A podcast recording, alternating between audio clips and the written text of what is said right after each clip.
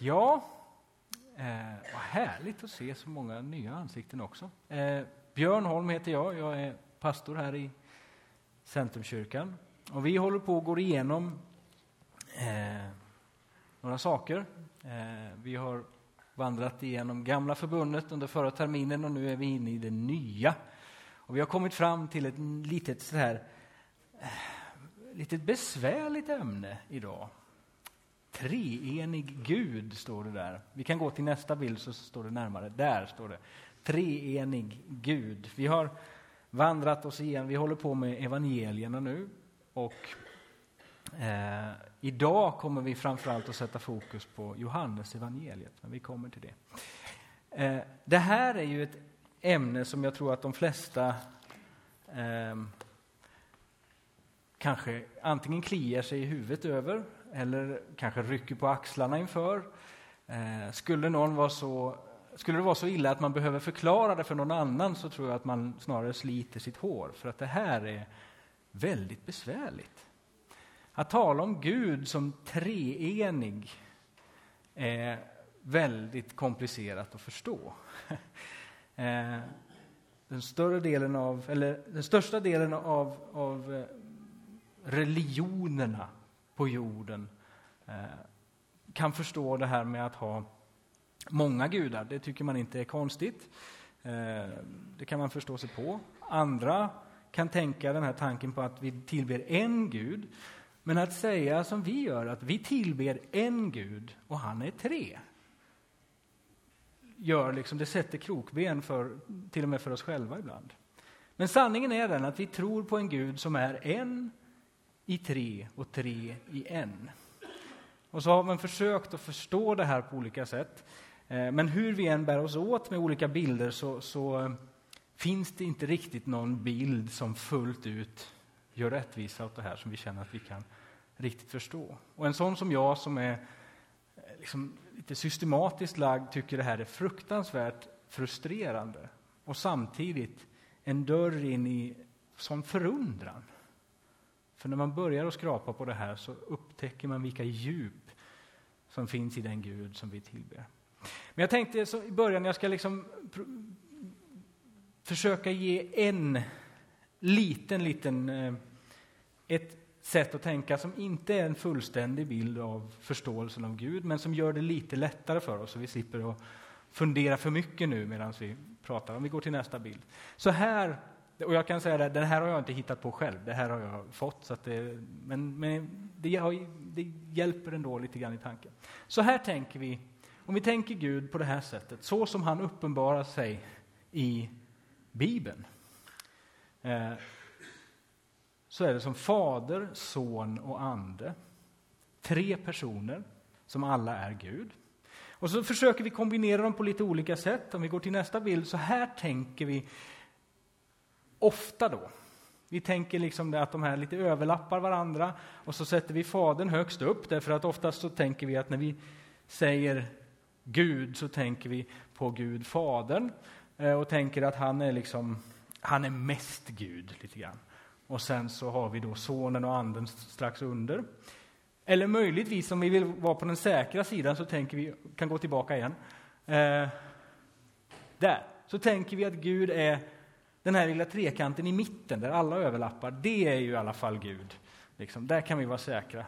Den lilla biten. Eh, sådär. Men då får vi också ett problem där, att då betyder det att det finns en massa fader, en massa son och en massa ande som inte är Gud. Och det funkar ju inte heller. Kanske vanligast är det som nästa bild här, att vi kanske tänker att Fadern och Sonen tillsammans, de är ju Gud, för det är väldigt tydligt i Nya Testamentet. Eh, och sen är Anden liksom, ja, den är lite som ett slags bihang eh, som följer med, som är kanske, ja, men det är Guds kraft eller Guds vishet eller något annat som utgår ifrån Fadern och Sonen. Ehm, men eh, där är vi inte heller riktigt hemma. Utan det kanske mest, bästa konkreta sättet att tänka kring det här är nästa bild här. Att tänka så här. Fader, son och ande som är ett, både till formen och till färgen, så går det inte riktigt att skilja dem åt. Där en finns, finns de två andra. Vi kan inte riktigt avgöra och sätta gränserna för att detta är, det, detta är bara Fadern, detta är bara Sonen, detta är bara Anden, därför att Gud är en. Och en i tre och tre igen. Och det här, som jag sa i början, så det här förstår vi inte riktigt oss på. Och sitter du här och känner att den här matematiken går inte ihop och det är ett problem för mig, så var inte orolig. Eh, det finns saker som vi faktiskt, som går över vårt förstånd. Och någonting som man kan luta sig mot är att eh, en av bilderna som Johannes ger när han talar om den gode herden, så säger han att fåren följer honom därför att de känner hans röst. Inte för att de förstår hans ord, förstår allt han säger och fåren sitter där och funderar över att ja, men jag tycker att hans teorier går ihop så jag följer efter honom, utan de känner hans röst.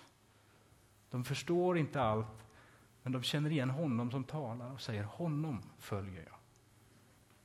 Och det får vi luta oss emot ibland när det är saker som, liksom, som vi inte riktigt kan, kan förstå.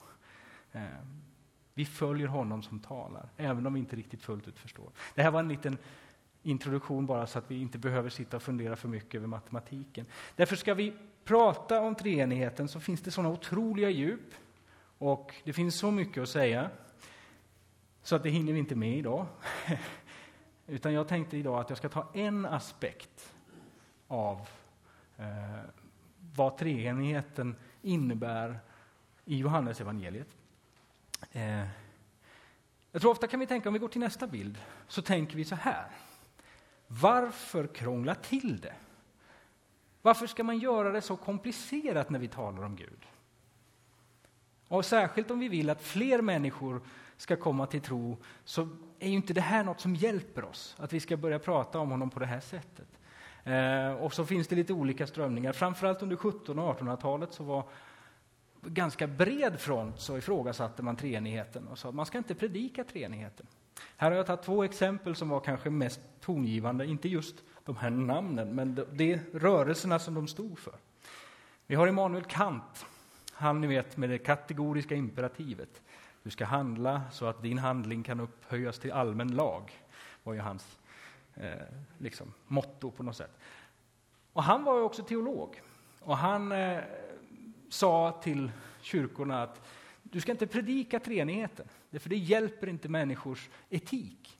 Vi behöver inte den för etiken, därför poängen är att vi ska ha en tro som hjälper oss att leva rättfärdigt, att leva gott i världen. Och treenigheten gör inte det. Den är bara eh, liksom en börda. Så ska inte förkunna Gud som treenig. Så kom en reaktion emot det här lite grann eh, från Eh, han som är liberalteologins eh, lärofader, Fredrik Schleiermacher, som sa att Nej, men det är ju inte det där med det är inte etiken som är det viktigaste, det är inte det yttre som spelar roll, utan att, att du gör erfarenheten av Gud i ditt hjärta. Det är det som är det viktiga.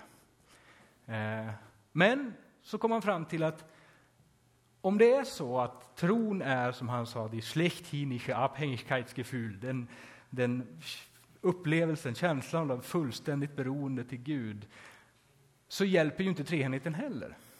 För han menar att du kan inte erfara Gud som treenig. Du erfar bara ett möte med den andre, Alltså som är någon, någon annan än dig själv. Så han sa också, predika inte treenigheten. Fundera inte över treenigheten, för den kan inte kännas och erfaras. Och riktigt så här kanske, det är inte så många idag som som sitter på morgonen innan gudstjänsten och läser Schleiermacher, eller Kant sådär i alla fall. Eh, kanske, men inte så troligt. Däremot så finns tror jag de här tankegångarna hos oss lite grann. Antingen att vi tänker att men det viktigaste är ju ändå att vi får verktyg för att leva ut vår tro, leva ut evangeliet i världen. Och då, varför ska vi då krångla till det med att tänka på Gud på det här sättet? Eller så tänker vi att ja, men det viktiga är ändå att jag får möta Gud i mitt hjärta. Och då är inte heller det här någon hjälp. Så vi kan ha med oss det här. Men jag skulle vilja säga att jag tror att treenigheten, den treenige guden, och att lära känna Gud som treenig, faktiskt har betydelse både för hur jag möter Gud i mitt hjärta och för hur vi lever tillsammans på den här jorden. Och Det är det vi ska titta lite på i Johannes evangeliet. Eh, först kan jag säga det här att en liten ledtråd kanske, som vi kan sitta och tugga på. Min pappa är biodlare. Han har miljoner med anställda som jobbar svart och inte får någon lön, säger han själv. Eh, och två gånger om året, ungefär, eller några gånger om året, så kommer han och, och snor allt som de har samlat under ett helt, en hel sommar för att de ska klara vintern. Eh, och han har lagt märke till att om man har ett samhälle med bin som är väldigt aggressiva, som eh, ja, hoppar på folk och sticks så fort man kommer i närheten och sådär. Så beror det ofta på att de har en sån drottning som är lagd åt det hållet. Och kan man då på ett lite snyggt och smidigt sätt byta ut den där drottningen mot en som han själv har odlat fram, som är snäll och beskedlig, så sa, sa han att det tar ungefär en halvtimme och sen är alla bina i den här kupan lika goa och, och mysiga som hundvalpar. Nej, inte riktigt, men att det det går väldigt fort att påverka hela samhället utifrån drottningen. Och så tror jag att det är med vår gudsbild. Har vi en gudsbild som ser ut på ett visst sätt så påverkar det både hur vi närmar oss den guden i bön, hur vi möter honom, erfar honom i våra hjärtan och det påverkar hur vi lever tillsammans gentemot varandra och i världen på ett väldigt tydligt sätt. Så det har betydelse hur vi ser och erfar Gud. Eh, en aspekt som är ganska tydlig i Johannes evangeliet. När Jesus talar om sin relation med Fadern och när han talar om Anden. Framförallt kan man säga att det mesta av den här informationen finns i, eh, i avskedstalet från kapitel 14 till och med kapitel 17 ungefär. Eh, så finns liksom den tätaste informationen om just treenigheten. Och den är ganska snårig att komma igenom därför att poängen är inte att Jesus säger nu ska jag förklara den treenige guden för er. Utan det här är någonting som Jesus gör därför att han märker att hans lärjungar är modfällda. Han har talat om för dem att han snart kommer att lämna dem och de är, eh, oroliga. Eh, och därför så håller han det här talet till dem för att lugna, trösta dem och för att hjälpa dem att förstå sin situation och det som ska komma. Eh, men det är en sak som framträder väldigt tydligt och det är detta.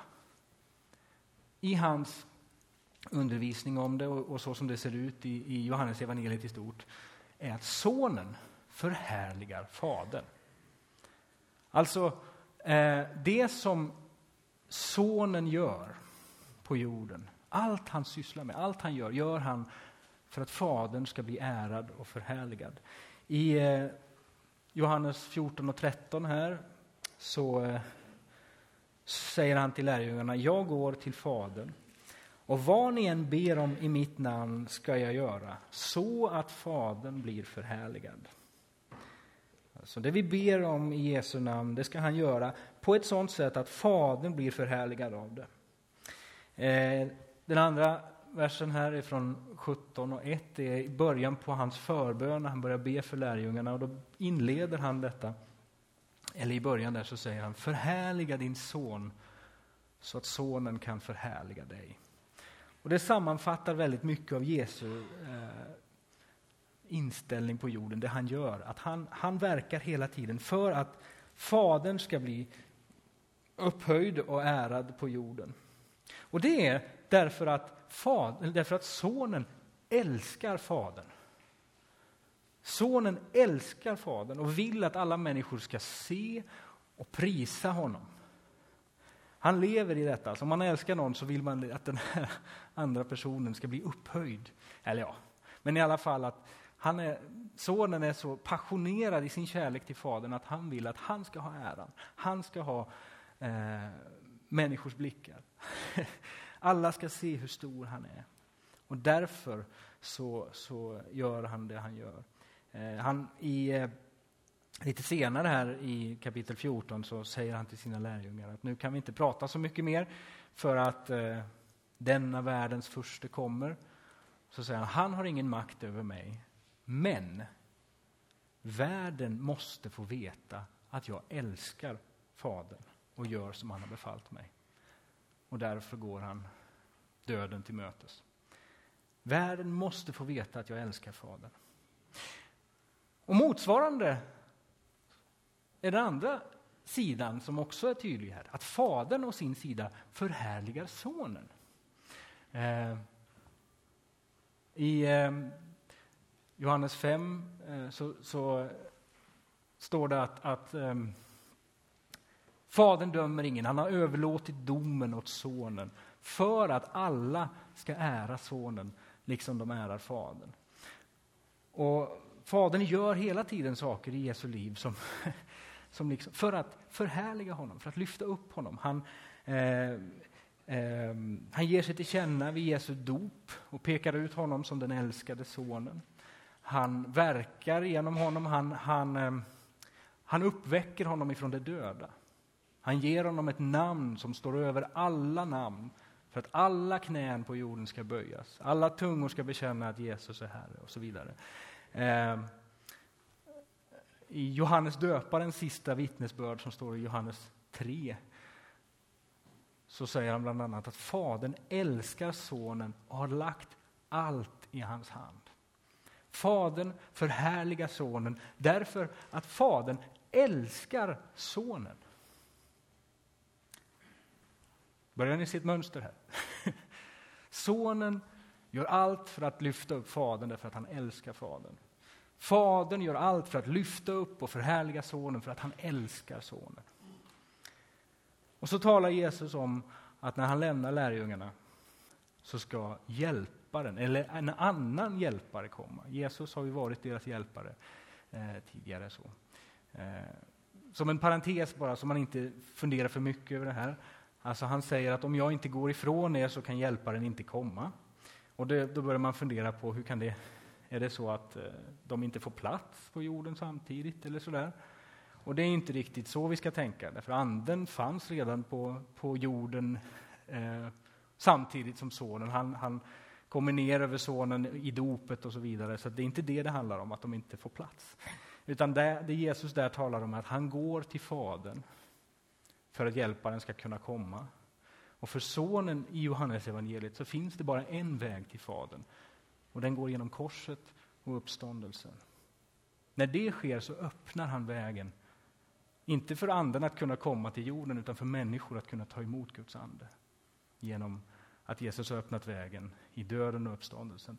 Och redan efter uppståndelsen i just Johannes evangeliet, när han möter lärjungarna, så blåser han på dem och säger ta emot helig ande.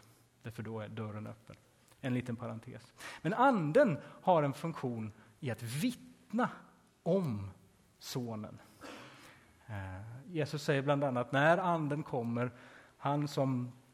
Eh, nu ska vi se vad det står.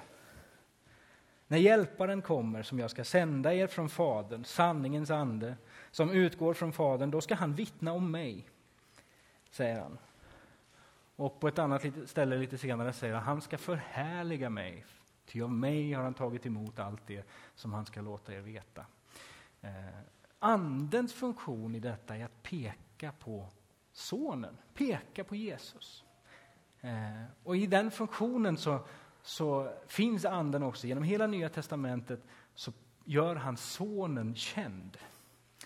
När vi ber om att få bli fyllda av helig Ande så är det väldigt ofta Jesus som vi som, vi, som träder fram inför oss.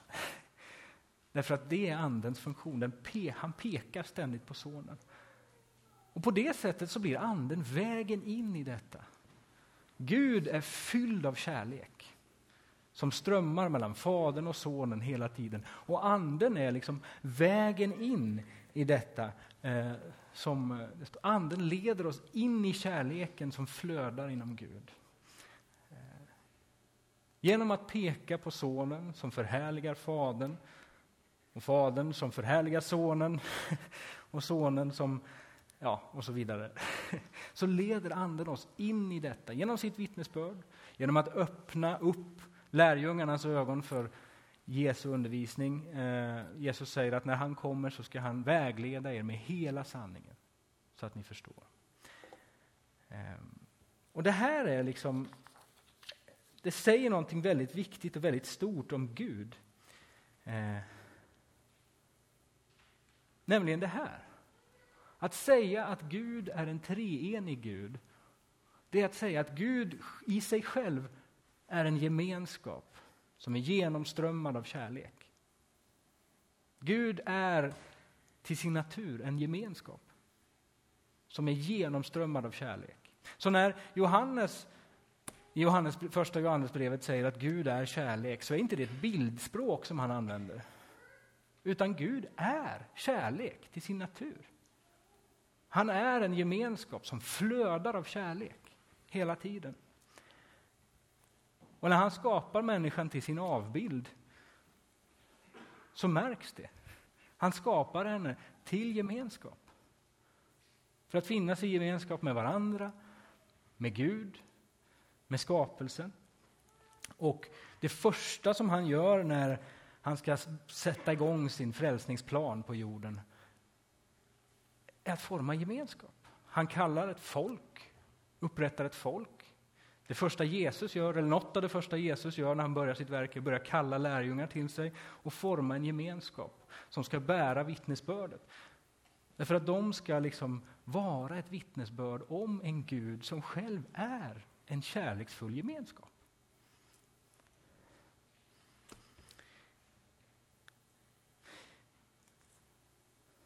Om det här är sant, om vi tänker på, ja vi kan gå tillbaka, eh, vi håller den där lite. Om vi tänker på Gud så här, att Gud är i sig själv en gemenskap som är genomströmmad av kärlek, så får det tydliga konsekvenser. Om det här får vara vår gudsbild, om det här är den som vi närmar oss, så gör det faktiskt saker med hur jag närmar mig honom i mitt hjärta.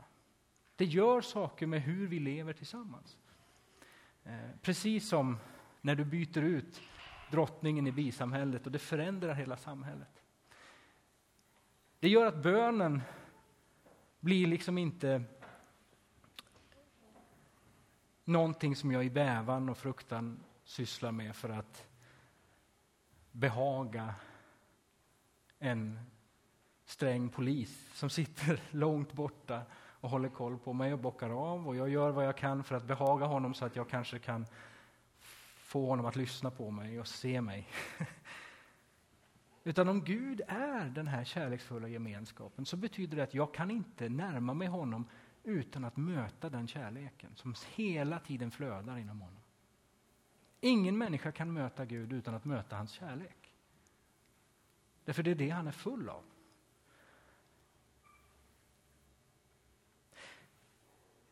Det betyder att jag behöver inte dölja någonting inför honom. Jag behöver inte framstå i mitt bästa ljus när jag kommer till honom. Och det som Anden gör när vi ber i ande och sanning, som det sägs, det är att den drar oss in i den kärleksrelationen. Precis som när jag är ute med båten och kastar ut båtshaken och hugger i land och drar, som man kan känna att bönen ibland är, man bara står och, och försöker slita sig fram så är det ju inte så att jag flyttar på, på mark, jag flyttar ju inte på stranden. Liksom. Det är inte den som jag drar närmare mig, utan det är ju jag, min farkost, som dras in till land. På det sättet är det när jag i bön närmar mig Herren, så drar Anden mig in i den här kärleken som flödar i Gud. Och det får konsekvenser för hur vi lever på jorden, hur vi ser på etiken och moralen. För två veckor sedan pratade jag väldigt länge om, om eh, Guds rike och eh, Jesu moraliska undervisning. Och har jag en bild av Gud som är den där avlägsna polisen så blir det höga krav som jag ska leva upp till för att, för att eh, vara accepterad av Gud. Men om den guden som ger mig detta är den här kärleksfulla, bubblande gemenskapen där kärleken strömmar, eh, så blir de där buden någonting annat. De blir en gåva som ges till mig. De blir liksom löftet om ett, ett vackert liv som får mig att vilja leva så här. Därför dels för att jag vet att han som har sagt det älskar mig, vill mitt bästa, så det kommer att bli bra av det, men också för att själva livet i sig har en sån skönhet. Därför att det kommer ifrån honom som flödar av kärlek. Och det får konsekvenser för hur vi lever i bikupan, hur vi lever som gemenskap. Och det är någonting som särskilt i Johannes är otroligt genomgående. Johannes evangeliet och Johannes breven inte minst återkommer hela tiden till det här.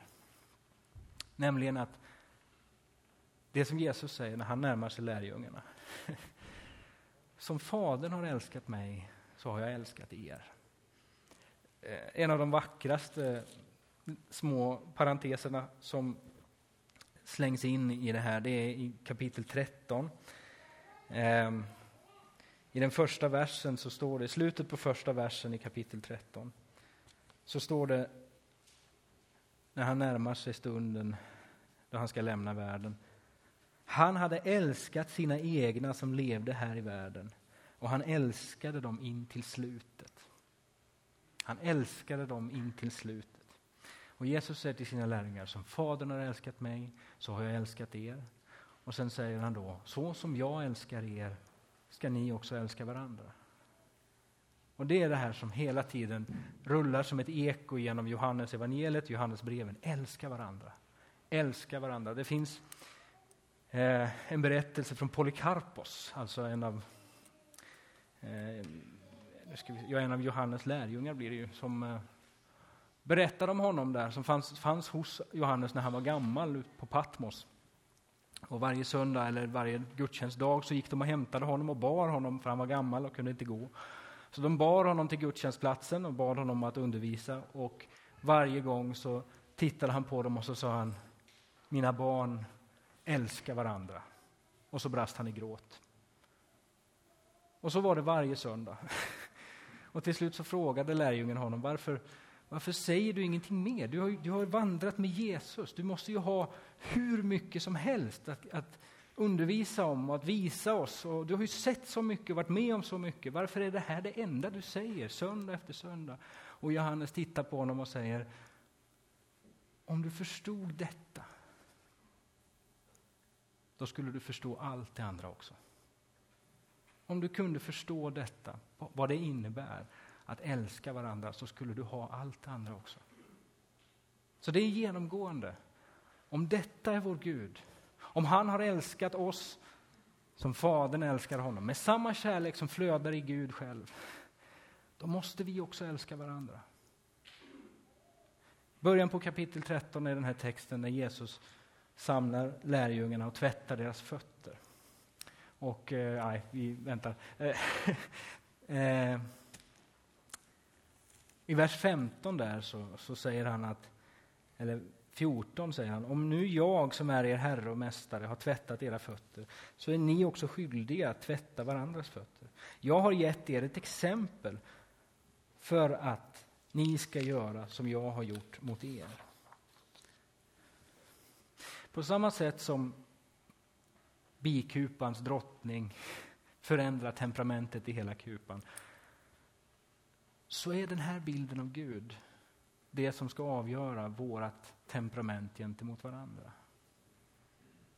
Om han som är kärleken, det som är hans första och innersta väsen, har älskat oss så och sagt att nu måste ni älska varandra. Därför att det är så som världen ska veta vilka ni är.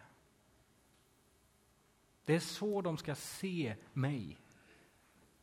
En Gud som själv är en gemenskap genomströmmad av kärlek. Ehm.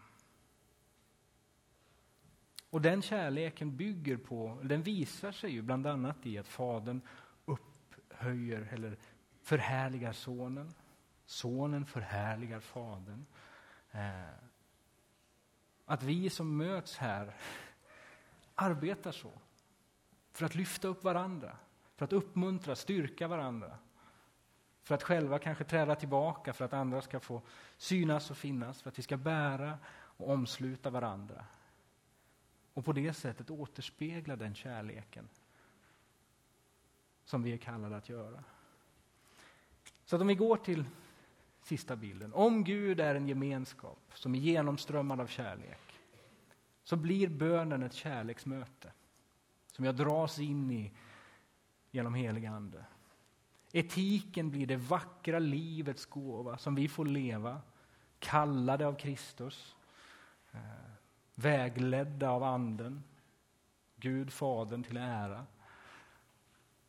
Och då blir också församlingen en gemenskap av livsförvandlande kärlek som återspeglar Guds egen natur. Det är inte säkert att vi blir bättre kristna för att vi har räknat ut hur treenigheten funkar och hur, hur eh, de olika personerna i gudomen förhåller sig till varandra. Men vi behöver se den här guden. Vi kanske inte måste förstå vad han säger, men vi behöver lära oss, lära oss att känna igen hans röst. Den guden som är en levande gemenskap i kärlek som han bjuder oss in i att ta del av och återspegla på jorden. Ska vi be tillsammans?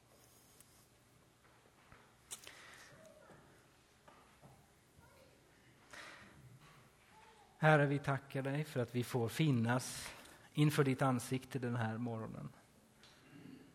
För att du som håller hela jorden i din hand, du som har skapat allt och uppehåller allt med din nåd, också ser oss den här morgonen och finns här idag för att vara en del av vår gemenskap.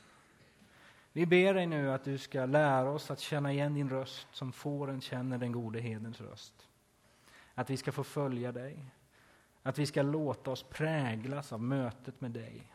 Mötet med den som är så breddfylld av kärlek så att det bara svämmar över. Du som kom till vår jord därför att du älskade världen så mycket att du, kunde, att du var tvungen att ge den din enda son. Herre, vi ber oss att du ska vara ett levande och verksamt ja i våra liv. Att du ska prägla oss efter din bild. Att vi som gemenskap får vara den här livsförvandlande kärleksgemenskapen som återspeglar dig. Att vi genom din Ande får leva i och präglade av kärleken så att vi får älska Fadern som Sonen älskar Fadern. Älska Sonen som Fadern älskar Sonen. Älska världen, älska människorna, och varandra så som du, Herre, älskar oss alla. Vi ber här att du ska möta oss nu i resten av den här gudstjänsten. Att du ska välsigna oss i veckan som ligger framför. Att du ska låta oss leva varje dag vi får på den här jorden till ditt namns större ära. I Jesu namn. Amen.